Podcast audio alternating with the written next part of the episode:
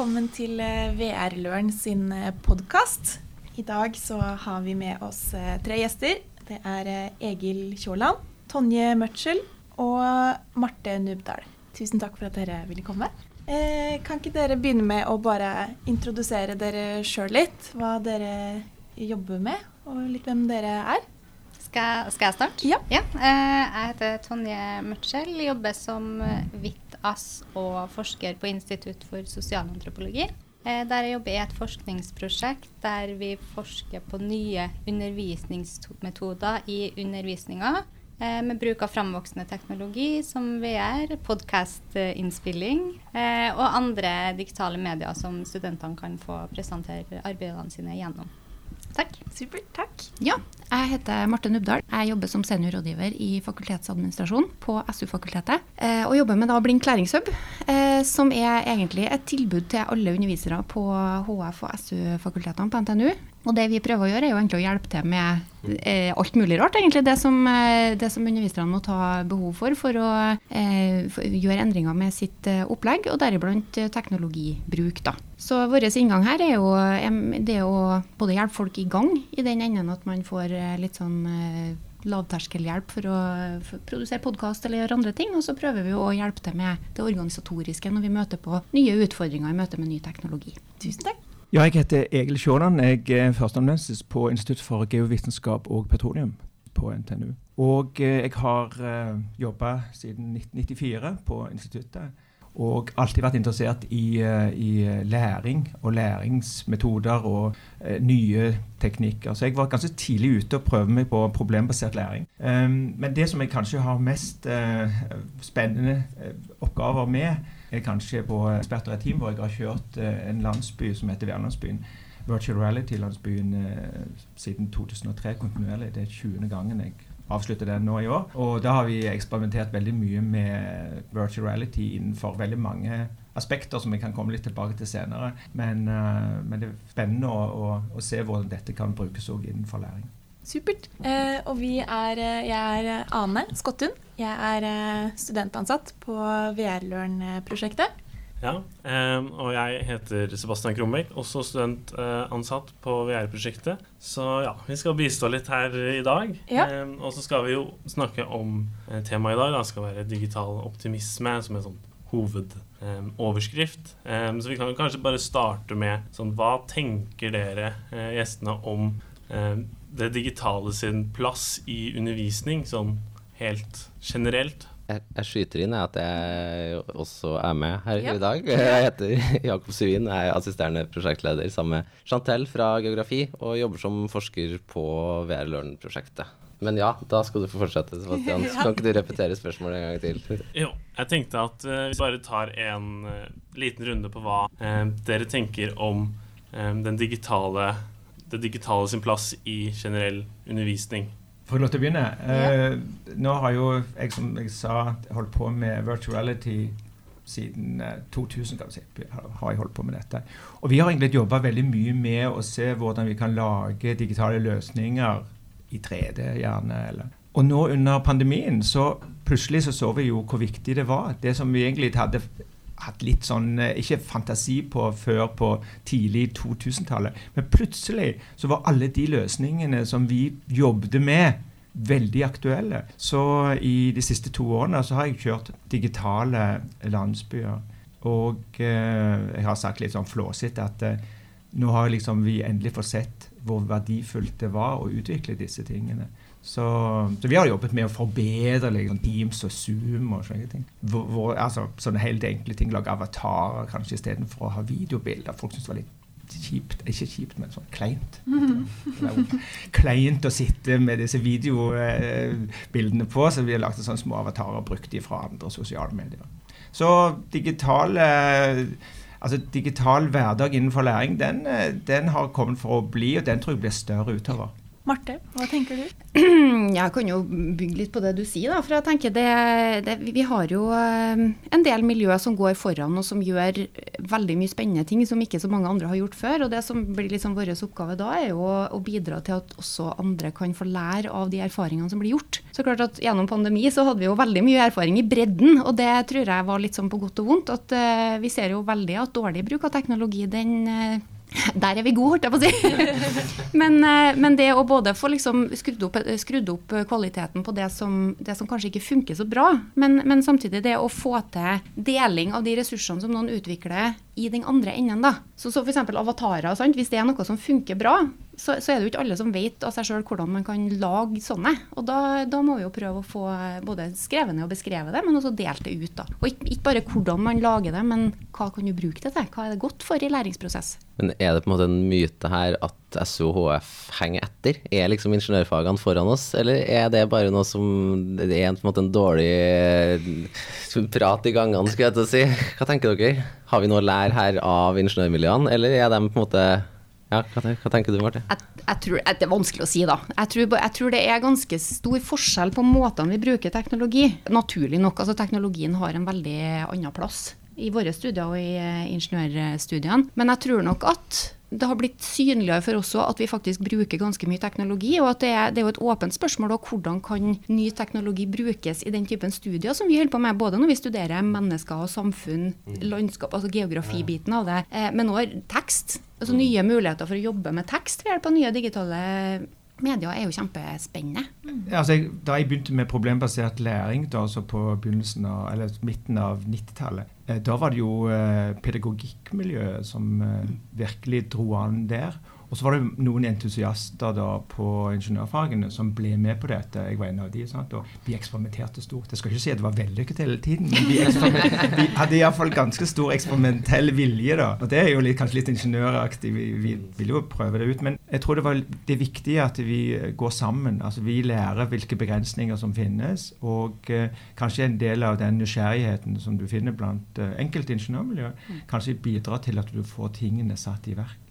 Tonje, hva tenker du er uh, det digitales rolle i undervisning? Eh, jeg kan jo først uh, fortsette på den samtalen vi allerede er i gang på. Og jeg syns det er viktig, sånn som Jakob påpeker, at vi må høste erfaringer fra både ingeniørmiljøene og samfunnsvitenskapelige miljøene og dele erfaringene våre med bruken. For sånn som du sier, at jeg tror nok bruken varierer veldig mye, og hvordan hva intensjonen bak bruken varierer også eh, veldig mye. Eh, sånn som vi i hvert fall har gjort eh, på sosialantropologi. Ved bruk av VR så bruker vi det som en samarbeidsteknologi der eh, studentene får muligheten til å jobbe eh, over avstand. Eh, og da ser vi om det på en måte gjør noe med tilstedeværelsen da, i det virtuelle rommet. for det er jo noe som i hvert fall jeg syns kan være en liten sånn skummel kanskje fallgruve med for mye bruk av teknologi i undervisning. Hva skjer med tilstedeværelsen, og hva skjer med samholdet mellom studentene og det læringsrommet som skapes mellom foreleser og studenter fysisk på campus. Eh, og hvis vi deler eh, på tvers av naturvitenskapelige og samfunnsvitenskapelige miljøer, så tror jeg at vi kan få et større bilde da, av hva denne bruken eh, gir oss på sikt. Marte? Ja, jeg kom på det en, en, ting som er litt ulikt. Da, det er jo hvor mye hands on erfaring man får med teknologi gjennom den fagmaterien man jobber med. Mm. Og jeg tror jo nettopp den erfaringa, den praktiske erfaringa, det er det som gjør at vi begynner å tenke på nye måter vi kan bruke teknologien på. Og det er jo kanskje her vi, vi har en ekstra rolle å spille da, for Humsam-miljøene, hvor vi, vi, må jobbe litt mer aktivt for at folk skal få den erfaringa. For det er klart at tradisjonelt så sitter jo vi og jobber mye med ja, tekst og bøker og, og eventuelt å snakke med folk. Og det er noe med det å se mulighetene teknologien gjør, det gjør Du, du klarer ikke å se for deg det eh, når du sitter godt, for, eh, godt liksom planta i, den, eh, i den tradisjonelle måten å jobbe på. Så vi må liksom teste og pelle litt på podkastopptakeren eller prøve på seg VR-brillene for å liksom skjønne at å ja, kanskje jeg kan bruke det på denne måten. Og det er jo viktig for både studentene våre, som jo er veldig mange flere, og kanskje har andre erfaringer med teknologi med seg inn i undervisningssituasjonen, men ikke minst for underviserne som har sittet lenge sant, og jobba på de måtene de har jobba på, som, som godt fungerer veldig bra, men som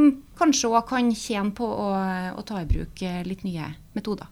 Ja, altså, jeg, jeg, tror faktisk vi er inne i en veldig stor brytningstid nå. Nå har vi jo fått testa ut at altså massetesting på bruk av Teams og Zoom og slike ting. Så nå er det på en måte, nå er den barrieren brutt. Altså vi holdt, mange, mange av oss har jobba mye med Skype og sånne ting før og mislykket. Folk visste ikke hvordan de skulle skru på, og så var ikke lyden i orden.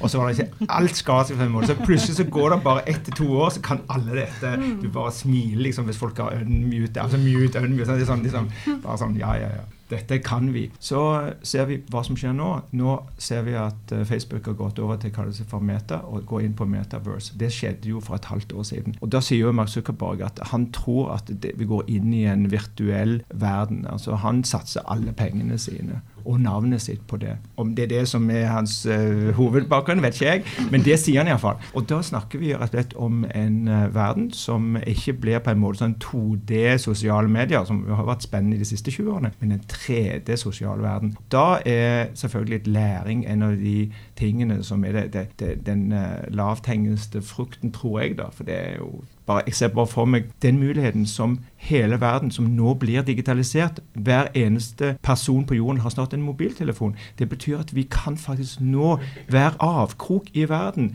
med læring. Noe som har vært veldig urettferdig fordelt før. Nå ser vi muligheten for dette. Ikke nødvendigvis innenfor 3D, men bare at vi kan nå hverandre. Og Det syns jeg er en veldig sånn optimistisk tanke. Rett og slett en uh, kunnskap til hele verden.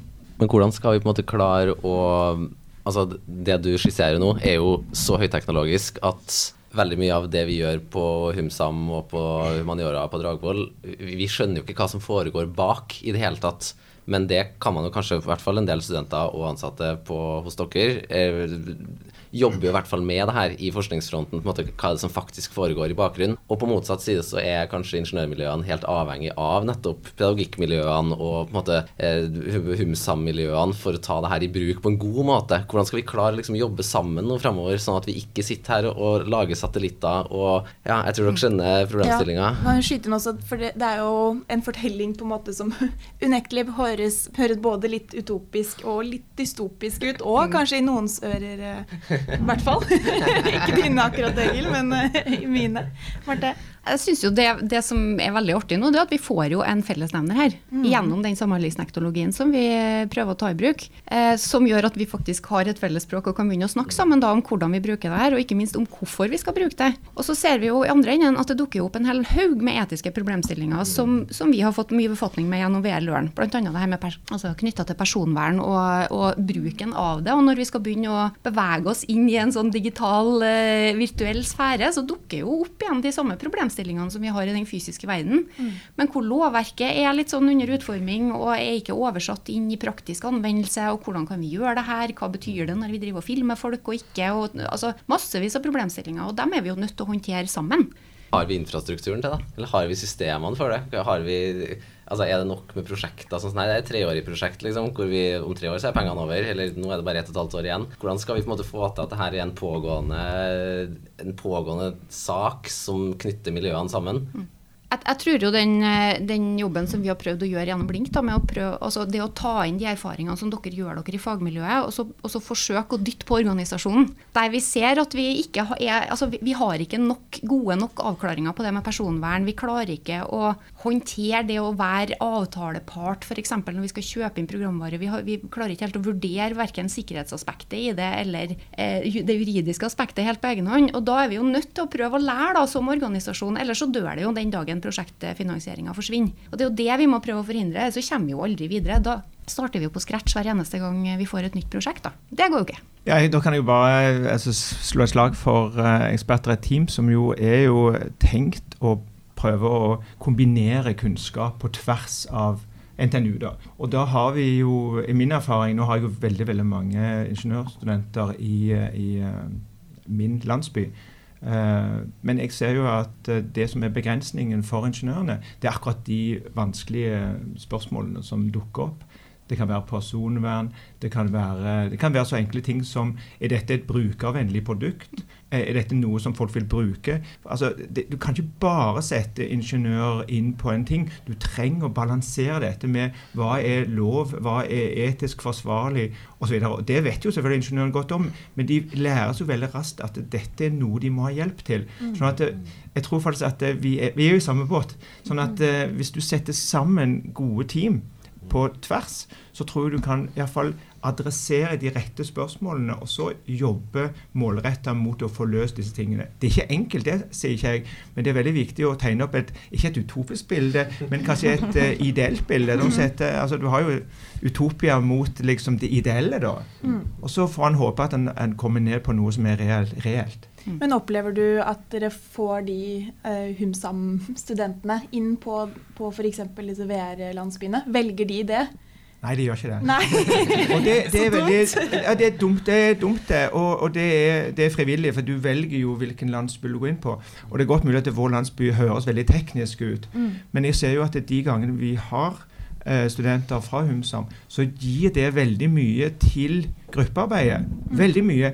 Fordi du får ofte en sånn brytning der som jeg tror er veldig synd. Så jeg, jeg savner jo eh, Jeg ville gjerne hatt flere HumSam-studenter inn for å få få det på plass. Mm. Jeg satt jo med noen av gruppene dine, og det var jo helt klart at de, de savna jo å ha noen alt fra liksom, samfunnsøkonomer til filosofer i gruppa, hvor vi prøvde å liksom, dra diskusjonen videre. Da, da, var jeg på en måte som oppdragsgiver og en annen rolle, men det var helt klart at de hadde jo et ønske om det også. Tonje? Eh, ja, der kan jeg jo eh, si litt om våre egne erfaringer, og det er at bruk av teknologi, spesielt eh, type teknologi som VR, har ikke blitt veldig det har blitt godt mottatt av studentene, men de er ikke så entusiastiske i bruken. Så når det er frivillig, så velger de det som regel bort. Og kanskje har det noe med å gjøre at man ikke har reklamert for bruken av f.eks. VR da, som et læringsverktøy, men mer som at her har du en teknologisk duppedings du kan leke deg med. At mm. det kan få flere også eh, studenter fra HumSam-studiene til å se nytten av å i hvert fall prøve seg litt fram. Okay.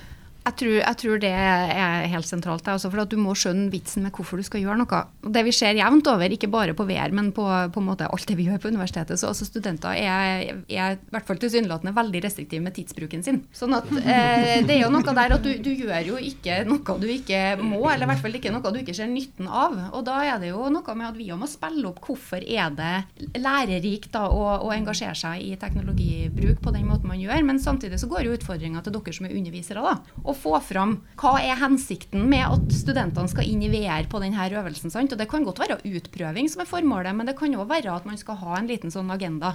For det er klart at Hvis du får sånn testregime sant? Vi har jo dem òg som syns teknologi er helt fantastisk artig og skal prøve alle læringsformene. Og, det er liksom, og så ser du jo arbeidsmengden for studentene i andre enden som må lære seg alt det her, og som skal liksom gjøre alle oppgavene. Den bare vokser og vokser og vokser. Så vi må jo passe på litt at uh, igjen da, det der med å ha en sånn formålstjenlighet bak det her. At vi må tenke oss om og, og vite hvorfor, i hvert fall hva er intensjonen. Mm. Det, det, er jo, Særlig med ny teknologi så er det jo vanskelig å se liksom, helt klart hva vi skal oppnå med å bruke den, men, men i hvert fall å, å, ha tenkt seg nøye om på forhånd. Hvorfor skal vi gjøre det her og bruke tid på det her? Jeg tenker jo kanskje, eller Det kan jo muligens være en fallgruve litt det der at man tar i bruk teknologi bare fordi, for teknologiens skyld. Mm. At det blir litt sånn innkvotert fordi det høres litt flott ut og blir litt sånn duppedings, i stedet for at man tenker hva er beste måten å lære på? Jo, det er dette. Og så har man den prøvinga og feilinga, og særlig feilinga, den verdi i det, da, som dere snakka om tidligere.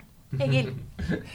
Nei, det, det, bringer jo opp veldig mange spennende aspekter, og jeg, jeg er helt enig i at uh, det er jo eh, en, en, pine å måtte være en prøvekanin for entusiastiske, ville påfunn. Og det tror jeg de fleste av oss har vært med på i forskjellige sammenhenger. Og det som er litt viktig å, å, å tenke på, er at når vi snakker om virtual reality, så er dette et relativt nytt begrep. Det er jo ikke mer enn 30-35 år siden ordet ble dannet, faktisk. Så det er et ganske nytt begrep, og vi har ikke den infrastrukturen på plass som gjør at vi kan gjøre, rulle det ut i, i stor stil. Så, så det, Vi må være litt ydmyke på det. Mm. Så når jeg sier optimisme, så ser jeg, så ser jeg for meg at uh, ved at uh, du har sånn som Mark Zuckerberg, som da sier at han ønsker å dra dette videre, da ser jeg for meg at du har Han sier snakket om 50 000 mennesker nå som holder på å utvikle nye eh, samhandlingsteknologier. Altså det vil si bedre briller, bedre mm. whatever. Og det tror jeg er nøkkelen her. Hvis du ikke har det riktige på plass, så blir det veldig dårlig. Se nå på pandemien. Da, vi, da det ramlet inn i mars i 2020 så ble jo alle lærerne på NTNU og andre universiteter og læresteder sjokka. Vi skulle filme ting, vi skulle gjøre ting. Og det er ganske ubehagelig med en gang. Men etter hvert så lærer du det, og så blir det på en måte vanlig, og så kan du det. Ja, jeg, jeg, jeg tenker jo på det med modenheten i teknologien. Også for Det er en ting at vi har den tilgjengelig her, men vi ser jo f.eks. At, eh, at Facebook sine VR-løsninger de er jo ikke klar til å bruke i kontekst av et offentlig universitet. Og Der har du jo en brytning sant, mellom et privat næringsliv som ønsker å selge oss duppedingser. Vi ser akkurat det samme med, med Apple eller med andre. Sant, at de, de er veldig flinke til å selge oss en dings som nå bare er min. Den kan bare brukes av én person. Den er personalisert. Jeg må ha en personlig bruker. Jeg må logge meg på. Alt er retta inn mot at jeg skal ha min dings. Og Vi ønsker jo f.eks. å ha klassesett og åpne brukere og sånn, og det er jo ikke kompatibelt i det hele tatt. Så vi har hatt masse masse diskusjon, kanskje spesielt med det VR-utstyret, for det er ikke klart for å bruke i en sånn eh, setting som det vi ønsker. Verken programvare eller, eh, eller utstyr. da. Så er det jo en utfordring, tenker jeg, at vi på liksom læringssida, nettopp det her vi snakka om at eh, å eksperimentere i undervisning det er utrolig irriterende å være student som du bare skal eksperimenteres på, men samtidig vi er jo helt avhengig av det. Altså, jeg jobba med plast og mikroplast. Jeg eksperimenterer med forskjellige metoder på laben. Det er ingen som bryr seg om jeg bruker 8 eller 10 eller 50 timer på de eksperimentene, for det er ingen som blir eh, berørt av det. Og sånn sett har vi kanskje liksom Vi går inn med en en vanskelig gruppe å eksperimentere med, da, fordi at vi nettopp bruker opp tida deres. Jeg bruker å tenke at liksom Går jeg i en forelesning med 50 studenter og bruker én time, så har jeg brukt opp 50 timer. Hvis jeg ikke gjør noe galt. Altså, hvis jeg gjør en dårlig undervisning da, så er det 50 tapte arbeidstimer. Og det, det gjør det vanskelig for oss på en måte. Men det blir jo samme om, om det er VR-teknologi eller om det er Zoom. Ja, ja, da, At man sitter absolutt. og knoter i Zoom. For det, noe av det vi har brukt en del tid på, det er jo uh, for det første å oppfordre folk til å øve på forhånd. At du øver deg hjem sammen med en kollega eller en uh, samboer eller hva som helst, bare for å liksom teste at ting fungerer godt på forhånd. Uh, men nå den der at når, altså, en ting er jo, Vi er jo en gruppe mennesker som syns det er helt greit å plages litt mer enn andre. Og, og som liker å bruke tid på å trykke på alle knappene her. Men ganske mange vil bare ha én måte det kan fungere på. Og det tror jeg er ganske viktig, særlig hvis man vil ha endring i bredden her. Det at uh, Man kan ikke bare si at uh, her har du noe VR-greier, du må lære deg alt, alle muligheter inni her og sånn. Kanskje er det nok å si at her har du VR-utstyret, det kan du bruke på denne måten for å oppnå det som du ønsker med din pedagogiske visjon, da, eller hva vi skal si, for undervisninga. Så det er noe med å liksom klare å legge til rette for utprøving, men samtidig da eh, hjelpe dem som bare vil ha én måte å gjøre det på. Ja, jeg, jeg, følger opp dette. Jeg så en uh, debatt på uh, et, eller annet, uh, et eller annet sted hvor Bill Gates og Steve Jobs diskuterte hvordan fremtidens utstyr skulle se ut. altså type, jeg tror, ja, Om det var iPad eller hva det var for noe. Og Da brukte de ordet formfaktor. Og Formfaktor var et veldig interessant punkt. For du trenger et gitt utstyr til en gitt oppgave. Du trenger ikke ha, Alt trenger ikke være virtual reality. Men for visse oppgaver, for visse hensikter, så kan det være veldig bra å gjøre sånn og sånn. Så jeg tror det er veldig farlig å bruke en sånn tvangstrøye at alt skal inn i ett medium, som du sier, da, da er du i lommen på leverandørene. Og leverandøren kan selvfølgelig Noen har til enhver tid det beste på akkurat det.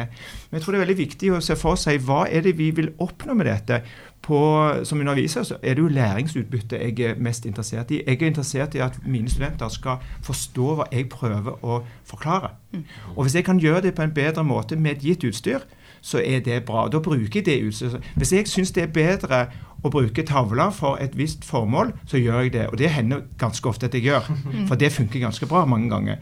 Så det er litt viktig òg. Så formfaktoren, hvis du skal bruke det, som jeg likte ganske godt, egentlig, det betyr at av og til så liker du å ha en mobiltelefon som du kan ha i lommen, og noen ganger skal du ha en iPad for du skal ha litt større flate, og noen skal ha en stor 80-tommers eh, TV som står bak meg her nå, som kan brukes til andre formål. Mm. Jeg tenker Hvis vi følger litt opp på det, og så ser litt sånn fram i tiden hva er det vi liksom ser for oss at uh, undervisning, spesielt da kanskje på universitetsnivå, uh, ser ut? Hvordan ser det ut i fremtiden? Typisk da 15 år, kanskje? Tonje? Uh, jeg tenker for det første så er det viktig at vi ikke går helt over til det digitale, men at vi fortsatt har en fysisk campus, og vi har det stedet der vi kan ha et samtalerom, vi kan møtes i dialogen, for den er jo, syns jeg, er viktig i universitetsfag, for det er sånn vi lærer, eh, spesielt på HUMSAM-fagene, med kritisk tenkning og refleksjon. og der, Da må vi inn i en diskusjon med andre. Eh, og erfaring, i hvert fall til oss, viser jo at det her dialogiske rommet det er vanskelig å få til eh, gjennom det digitale. Men samtidig så ga jo også universitetet vi har jo noen samfunnsmål vi også skal uh, oppfylle. Uh, og da må vi jo speile samfunnet utafor, og vi må speile de nye studentene som kommer på universitetet, som er vant De er født nesten med en iPhone i lomma. Så jeg tror at uh, mer hybride løsninger, absolutt. men vi må ikke glemme på en måte det fysiske campus og de gode samtalene heller. Ja, jeg jeg syns det er en kjempeinteressant problemstilling. Altså for hva er fremtidens campus? Hvorfor skal studenter og ansatte komme på campus i en virkelighet hvor, hvor altså Sett det på spissen, da.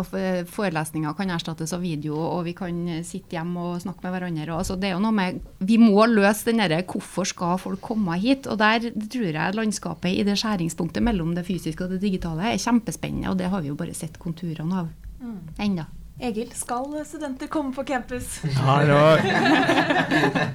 eh, nå, har jeg ganske fersk informasjon om det, fordi jeg hadde nettopp eh, fullføring av Jærlandsbyen for i vår. Og da eh, var jeg en av Jeg tror kanskje jeg hadde den eneste landsbyen hvor eh, jeg bare sa at jeg ønska ikke en hybrid landsby, så jeg sa vi kjører det digitalt selv om det åpnes opp. Og Grunnen var at jeg ønska ikke å få eh, denne her uro. Jeg, jeg, ble nedstengt i 2020, og da så jeg på når du gikk ifra en fysisk tilstedeværelse til en brå eh, digital. og Det husker jo alle. Og i 2021 kjørte jeg da helt digitalt, og det var jo greit. Og når vi kom til denne her interessante 2022-sesongen, hvor det var to-tre uker som var digitale, og så skulle, vi, og så skulle det bli kanskje mm. Det ble jo eh, da normalt, men det visste vi ikke.